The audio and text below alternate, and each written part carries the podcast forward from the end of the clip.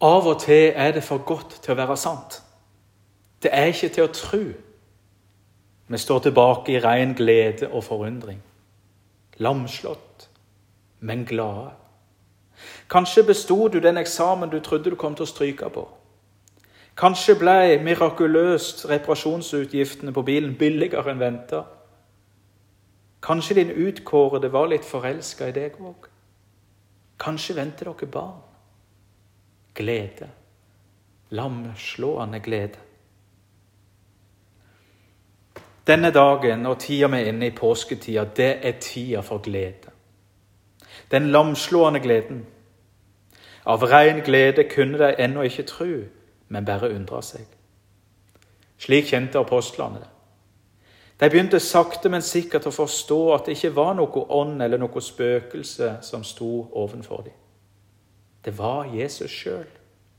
Den levende, den oppståtte, det var sant, det som kvinnen hadde fortalt deg, at han ikke lenger var i grava. Det var sant, det som de to på vei til Emmaus hadde fortalt deg, at de hadde møtt han på veien. De hadde til og med spist med han.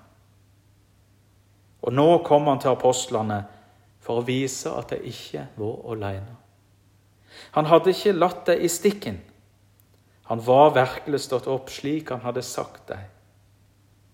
Og han stadfestet det han hadde prøvd å formidle til deg hele veien, men som forståelig nok ble for vanskelig å ta inn over seg. Og nå er han her i levende live, til og med litt sulten.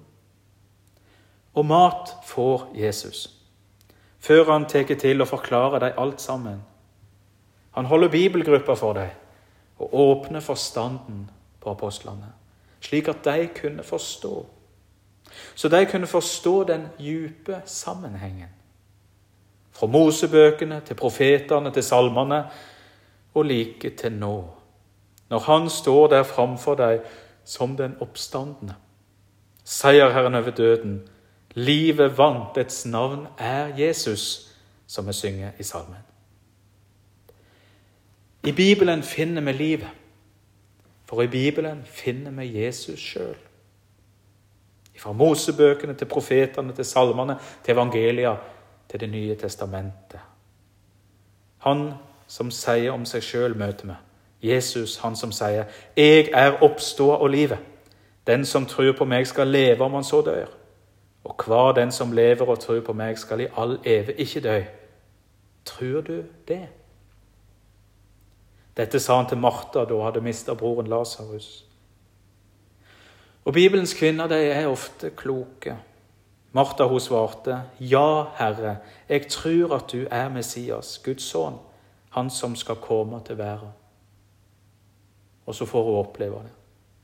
At Jesus reiser broren Lasarus opp fra de døde. Påskedagene sine tekster og dagens evangelium de stadfester både Jesu ord til Martha og Martha sitt svar til Jesus.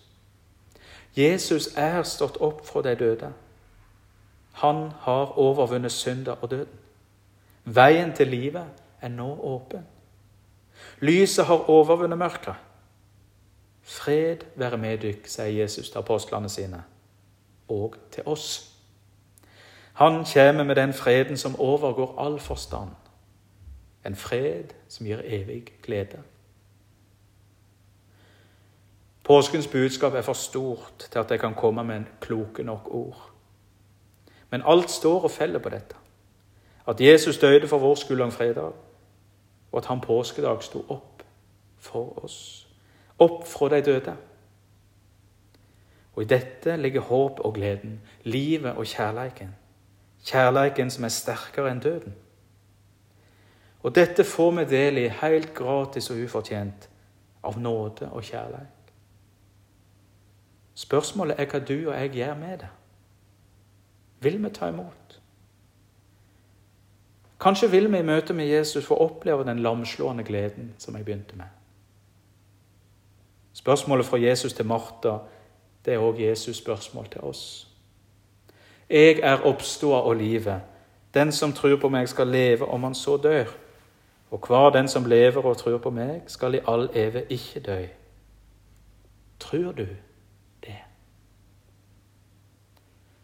Ære være Faderen, ved Sønnen i Den hellige ande, som var, er og være skal, en sann Gud fra evig og til evig. Amen. Halleluja.